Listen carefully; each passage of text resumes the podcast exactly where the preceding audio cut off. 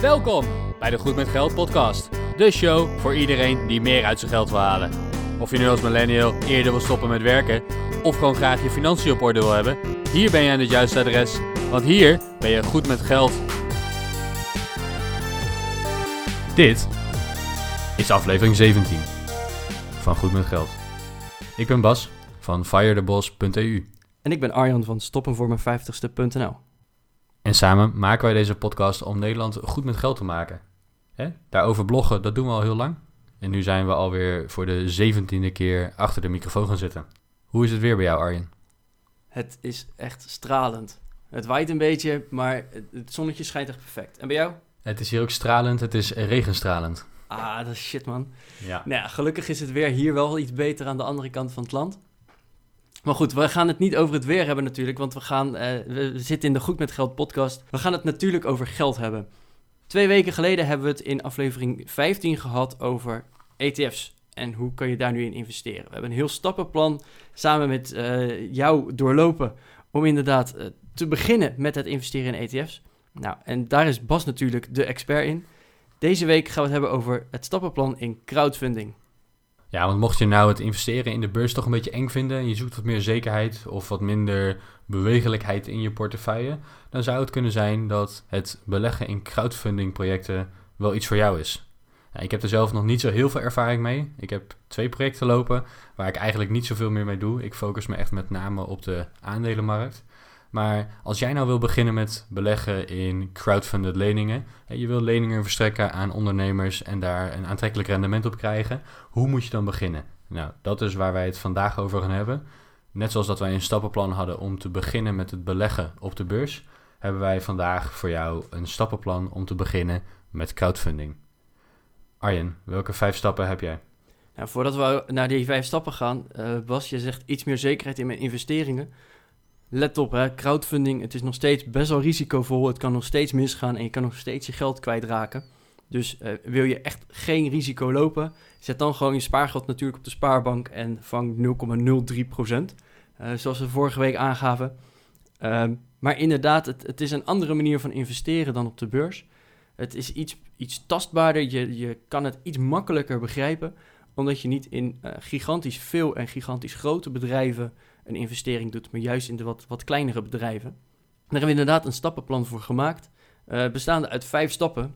En de allereerste stap is het bepalen van je strategie.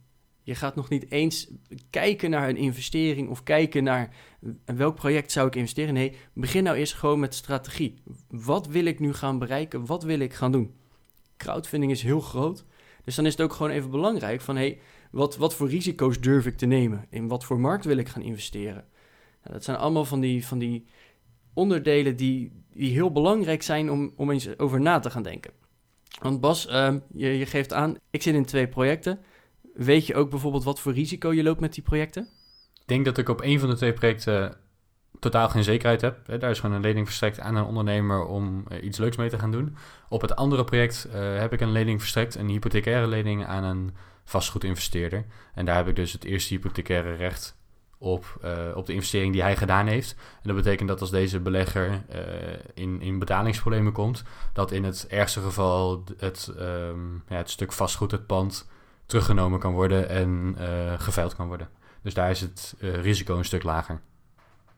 Nou, dat klopt inderdaad. Ehm, dat, dat zijn al de eerste dingen waar je in je strategie over kan na gaan denken.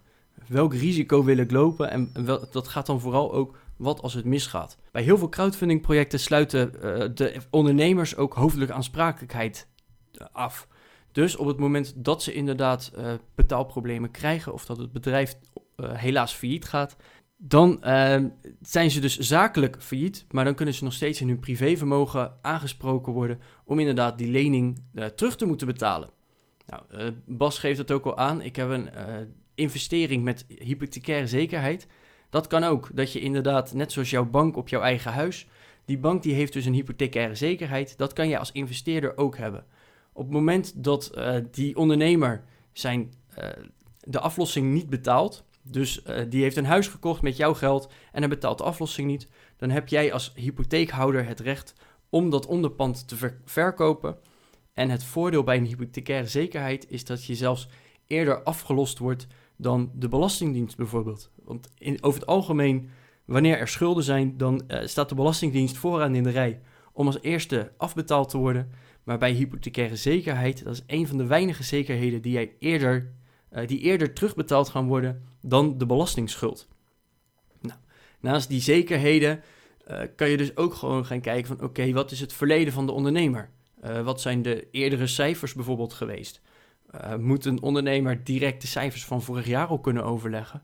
Of vind jij het prima als de ondernemer een klein beetje achterloopt in de administratie, maar wel hele goede cijfers neerzet? Um, welk bedrag ga je investeren? Je kan ervoor kiezen om al jouw spaargeld, hè, bijvoorbeeld, of alle, in ieder geval alles spaargeld wat je over hebt, bijvoorbeeld 5000 euro, in één keer in één project te stoppen. Maar je kan ook zeggen, nou, dat vind ik wat risicovol. Ik stop 200 euro in één project en verdeel die 5000 euro over 25 verschillende projecten. Mocht er dan één project misgaan, dan ja, natuurlijk heel vervelend, dan ben je maximaal 200 euro kwijt.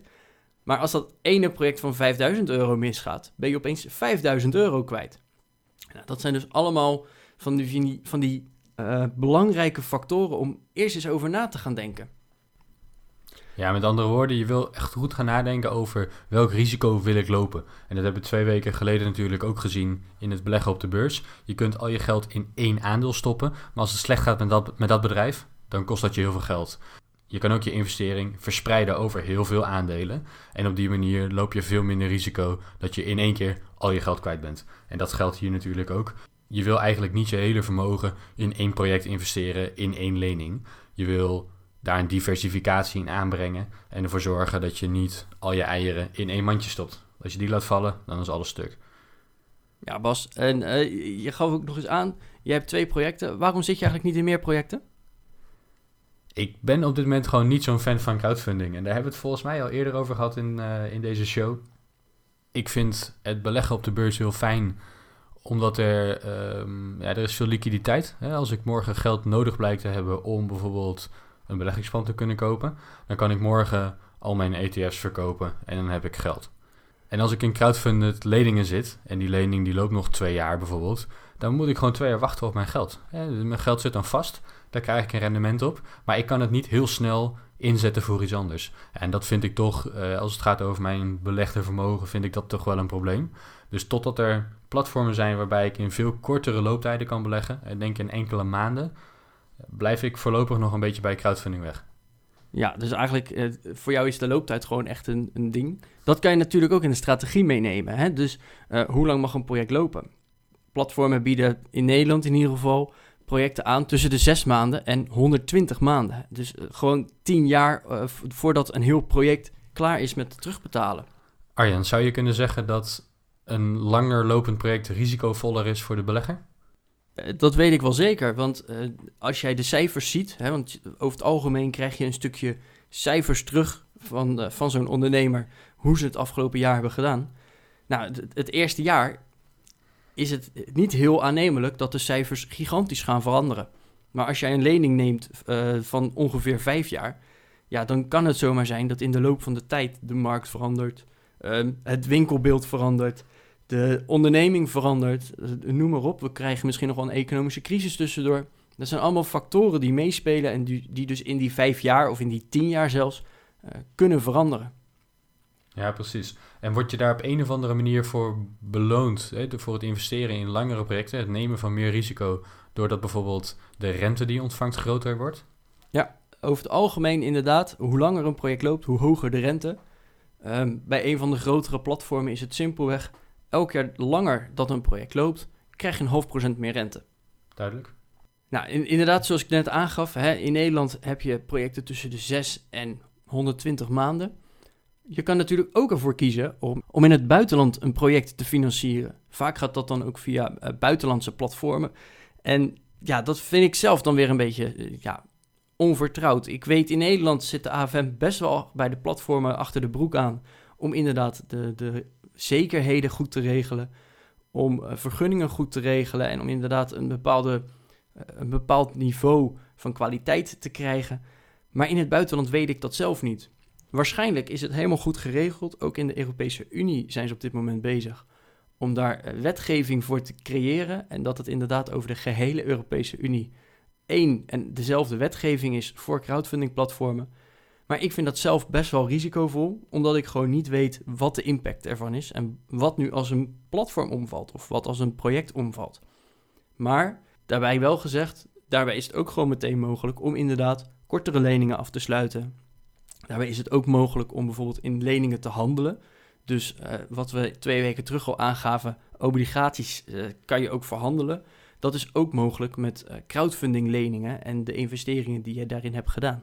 En dat klinkt heel interessant, want dat betekent dat het liquiditeitsprobleem er niet is. Je kan wellicht tegen een verlies, maar je kan in elk geval je investering verkopen dan. Ja, maar goed, zover zijn we in Nederland in ieder geval nog niet. Dus uh, wie weet, Bas, nog even afwachten. Maar uh, ik verwacht op den duur dat, je, dat ook jij zeker wel uh, jouw uitdagingen of, of problemen die je nu ziet in crowdfunding, dat die opgelost gaan worden. We gaan het zien. Nou, tot zover die strategie. Hè? Dus ehm, je weet wat je wil, je weet in welk je weet met welke zekerheden je wil investeren, je weet uh, welke looptijd je wil hebben. En vervolgens ga je eens kijken van oké, welke platformen zijn er allemaal? Nou, ik kan je vertellen, er zijn er zo'n uh, 30, 35 die redelijk actief zijn tot zeer actief. Dus daar heb je ook nog best wel even een, een zoektocht te gaan. Nou, zoals we een aantal afleveringen terug ook al aangaven, we maken geen reclame, dus in dit geval gaan we ook geen platformen noemen. Zoek daar vooral even rustig naar op internet. Er zijn genoeg lijstjes ook met crowdfunding platformen. En ga dan inderdaad ook eens kijken. Um, er zijn platformen die zich echt specifiek richten op enkel en alleen vastgoed. Of enkel en alleen horeca. Of enkel en alleen MKB-bedrijven. Heel belangrijk om daarin uh, die keuze te maken. Want als jij zegt, ik wil juist in die horeca, kies dan ook juist een platform wat daarin gespecialiseerd is. Want ja, het is toch vaak weer een vak apart. Um, ook vastgoed en, en al dat soort dingen. Het is altijd een vak apart, dus dan kan je beter kiezen voor een platform wat er ook nog eens in gespecialiseerd is. Um, dan een platform die gewoon alles accepteert en gewoon alles maar doet. En daar ga je vervolgens op aanmelden. Aanmelden op bij zo'n platform is gratis. Je kan uh, simpelweg je registreren. En that's it. Je hebt je aangemeld. Dat kan dus bij één platform, maar je kan ook zeggen, nou, ik uh, wil het risico uitsluiten dat een platform omvalt, want hè, die kunnen ook failliet. Ik meld me aan bij vijf verschillende platforms. Uh, net naar gelang jezelf dat uh, wil. ik ben zelf ook actief bij meerdere platforms. Bas, jouw twee investeringen bij meerdere platforms of bij één? Ja, bij twee verschillende ook inderdaad. Eentje gespecialiseerd in vastgoedleningen en de andere een, een veel algemenere. Nou, inderdaad. En op die manier kan je dus daarin zelfs nog de risico's gaan spreiden zodat inderdaad het platform niet zomaar uh, de bottleneck gaat worden. Heb je je eenmaal aangemeld, dan gaan we naar stap 3. In welk project gaan we nou investeren? Daar ben ik wel even heel erg benieuwd naar, want ik zie van allerlei projecten langskomen. Je hebt het nu over vastgoed gehad, over horeca. Um, ook als ik ga kijken naar de projecten die beschikbaar zijn, hè, dan zie je uh, kleine fabriekjes. Ik wil een nieuwe machine kunnen kopen en die moet gefinancierd worden. Of ik wil een nieuwe winkel open, openen en ik moet voorraad gaan aanleggen. Of ik wil mijn werkkapitaal financieren. Hoe ga je dan kiezen in welk project je geld wil gaan stoppen? Hè, aan welke ondernemer ga jij een lening verstrekken en aan welke niet? En, en heeft het type project of het doel van het geld daar nog invloed op? Nou, bij mij persoonlijk wel, maar hier wil ik eigenlijk meteen even terugstappen naar, stap, naar stap 1. Jouw strategie. Uh, stel, jij wil alleen maar MKB'ers ondersteunen, omdat je hè, het ze bijvoorbeeld gunt. Hè, er kan ook een gunfactor bij zitten. Ja, dan ga je niet in grote bedrijven investeren die zeggen van... ja, we willen nog meer geld gaan verdienen. Je gaat uh, niet in vastgoed investeren, omdat je juist wil dat uh, beginnende starters ook een huis kunnen kopen. Dat zijn allemaal van die strategieën en, en onderbuikgevoelens waarin jij kan of gaat investeren. Dat laat ik zelf ook heel erg meespelen, maar uh, ik kijk inderdaad ook zeker naar het doel. Want uh, het kan zomaar zijn dat ze de, de belastingachterstand of de BTW nog even moeten gaan betalen. Ja, dan denk ik, heb je dat wel een beetje in je administratie dan meegenomen? Dit zijn van die dingen die je al van tevoren wist en daar moet je dus niet nog een lening voor af willen gaan sluiten. Ja, als een bedrijf financieel mismanagement pleegt en dat wil gaan oplossen met een lening, dan zou ik mezelf daar ook ver van houden, denk ik. Ja, en dan uh, kan het heel aantrekkelijk zijn dat je inderdaad gewoon 10 tot wel 15 of soms nog wel hoger aan rentepercentages uh, krijgt. Maar ja, mij niet gezien hoor. Veel te gevaarlijk bij dat soort bedrijven. Veel te gevaarlijk inderdaad. wat is dan het gemiddelde project waar jij in investeert, Arjan? Nou, ik, ik kijk heel snel door die projecten heen. Ik ben uh, actief op een aantal hele grote platforms. En die publiceren gewoon meerdere projecten per dag. Ja, ik kan niet een uur per project gaan besteden, want dan ben ik gewoon mijn werkdag al kwijt aan al die projecten doorlezen. Dus in mijn strategie heb ik zelf al besloten, ik wil uh, heel defensief investeren. Ik ga niet in de allerhoogste risicoclassificaties investeren, want dat vind ik gewoon een te hoog risico. Dus als ik dan uh, een project online zie komen, en dan ik kijk een twee, drie keer per dag, even een minuutje, dan zie ik zo'n project en dan zie ik meteen klassificatie 5, klassificatie E, klassificatie 10, um, 1 ster. Nou, dat zijn allemaal van die hele hoge risico-classificaties uh, waar, waarvan ik zeg, die zijn gewoon te hoog. Nou, dan open ik ze niet eens.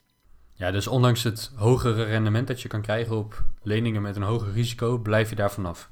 Ja, en dat is eigenlijk gewoon al de eerste schifting die ik dan zelf maak. Nou, vervolgens, waar kan je allemaal naar gaan kijken? Wat, wat is het doel? Um, er zijn zaken waar ik, waarin ik eigenlijk liever niet zou investeren, maar omdat ze het bijvoorbeeld uh, samen doen met mensen met een verstandelijke handicap, um, kan ik zeggen van, nou, ik maak hier een uitzondering op mijn eigen regel. Juist omdat er een soort van gunfactor ook nog eens bij komt. Je kan kijken van, oké, hoe staan ze er financieel voor? Hebben ze al heel veel andere schulden? Nou, dat vind ik zelf al een, negatief iets. Hè? Als jij al, uh, weet ik het, 200.000 euro aan, aan uitstaande leningen hebt, of hè, nog, nog aan schuld, uh, en je hebt nog een keer 50.000 euro nodig, terwijl je misschien een, een ton aan omzet per jaar hebt, ja, dan vind ik het al best wel risicovol worden. Het zijn allemaal van die, van die kleine factoren waar je eigenlijk al naar zou moeten kijken. Van, hey, klopt het verhaal er nu een beetje achter? Uh, hebben ze afgelopen jaar 60.000 euro omzet gemaakt? Dit jaar gaan ze 70.000 euro omzet maken. Maar, hè, even opletten, volgend jaar gaan ze wel 125.000 euro omzet maken. En het jaar erop weten ze het nog een keer te verdubbelen naar 250.000 euro. Natuurlijk zijn er bedrijven die dat kunnen, maar zulke hockeystickprognoses, ja, ik begin er zelf gewoon niet aan. Mij te risicovol. Ja, dus eh, terugkomend op stap 1, strategie bepalen. In jouw strategie zeg je, ik wil niet in de projecten met heel hoog risico investeren. Ja, inderdaad. Nou, en dat, dat speelt dus heel erg mee in welk project ga je nu in investeren? Uh, heb je dat eenmaal wel gekozen? Hè? Je, je strategie die, uh, die ligt in lijn met het project. Nou, dan kan je inderdaad kiezen van, nou, ik ga investeren. En dan wordt er gevraagd, oké, welk bedrag wil je investeren? Heel belangrijk. En eigenlijk had dit ook al bij je strategie moeten zitten. Ga ik hele hoge bedragen inderdaad investeren? Of ga ik juist heel veel hele kleine bedragen investeren? Nou, uh, op, op een gegeven moment zeg je, nou oké, uh, ik doe overal gewoon 100 euro in en that's it.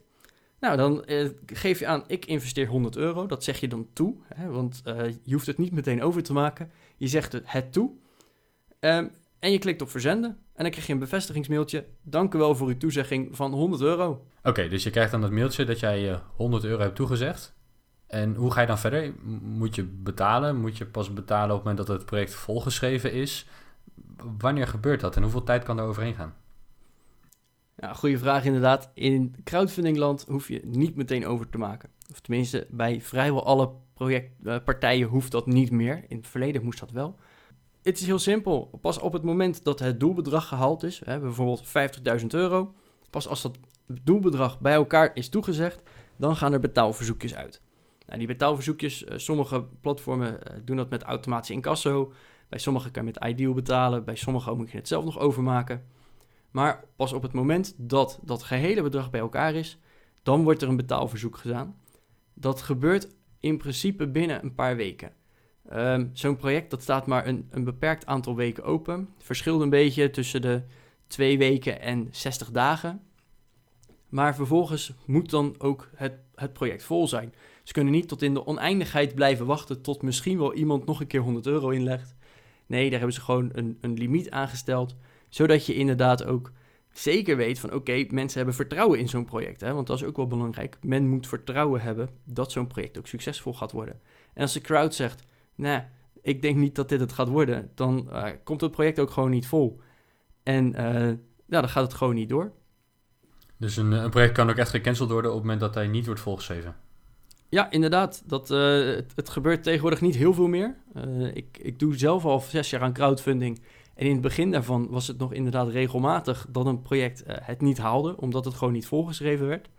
Tegenwoordig gebeurt het nog wel eens. Niet zo vaak meer. Hè. Heel veel mensen kennen crowdfunding ondertussen en eh, het is ook relatief makkelijk om inderdaad zo'n project volgeschreven te krijgen. Maar eh, inderdaad, het kan nog steeds gebeuren dat een, een, toezegging, die wordt weer geannuleerd. Je hoeft niet meer te betalen, want uh, de ondernemer trekt zich terug of het, het uh, doelbedrag is niet bij elkaar gekregen. Kan het dan ook andersom dat projecten worden overschreven of stopt, het, uh, stopt de mogelijkheid om, om een, een, deelbedrag toe te zeggen op het moment dat die vol zit?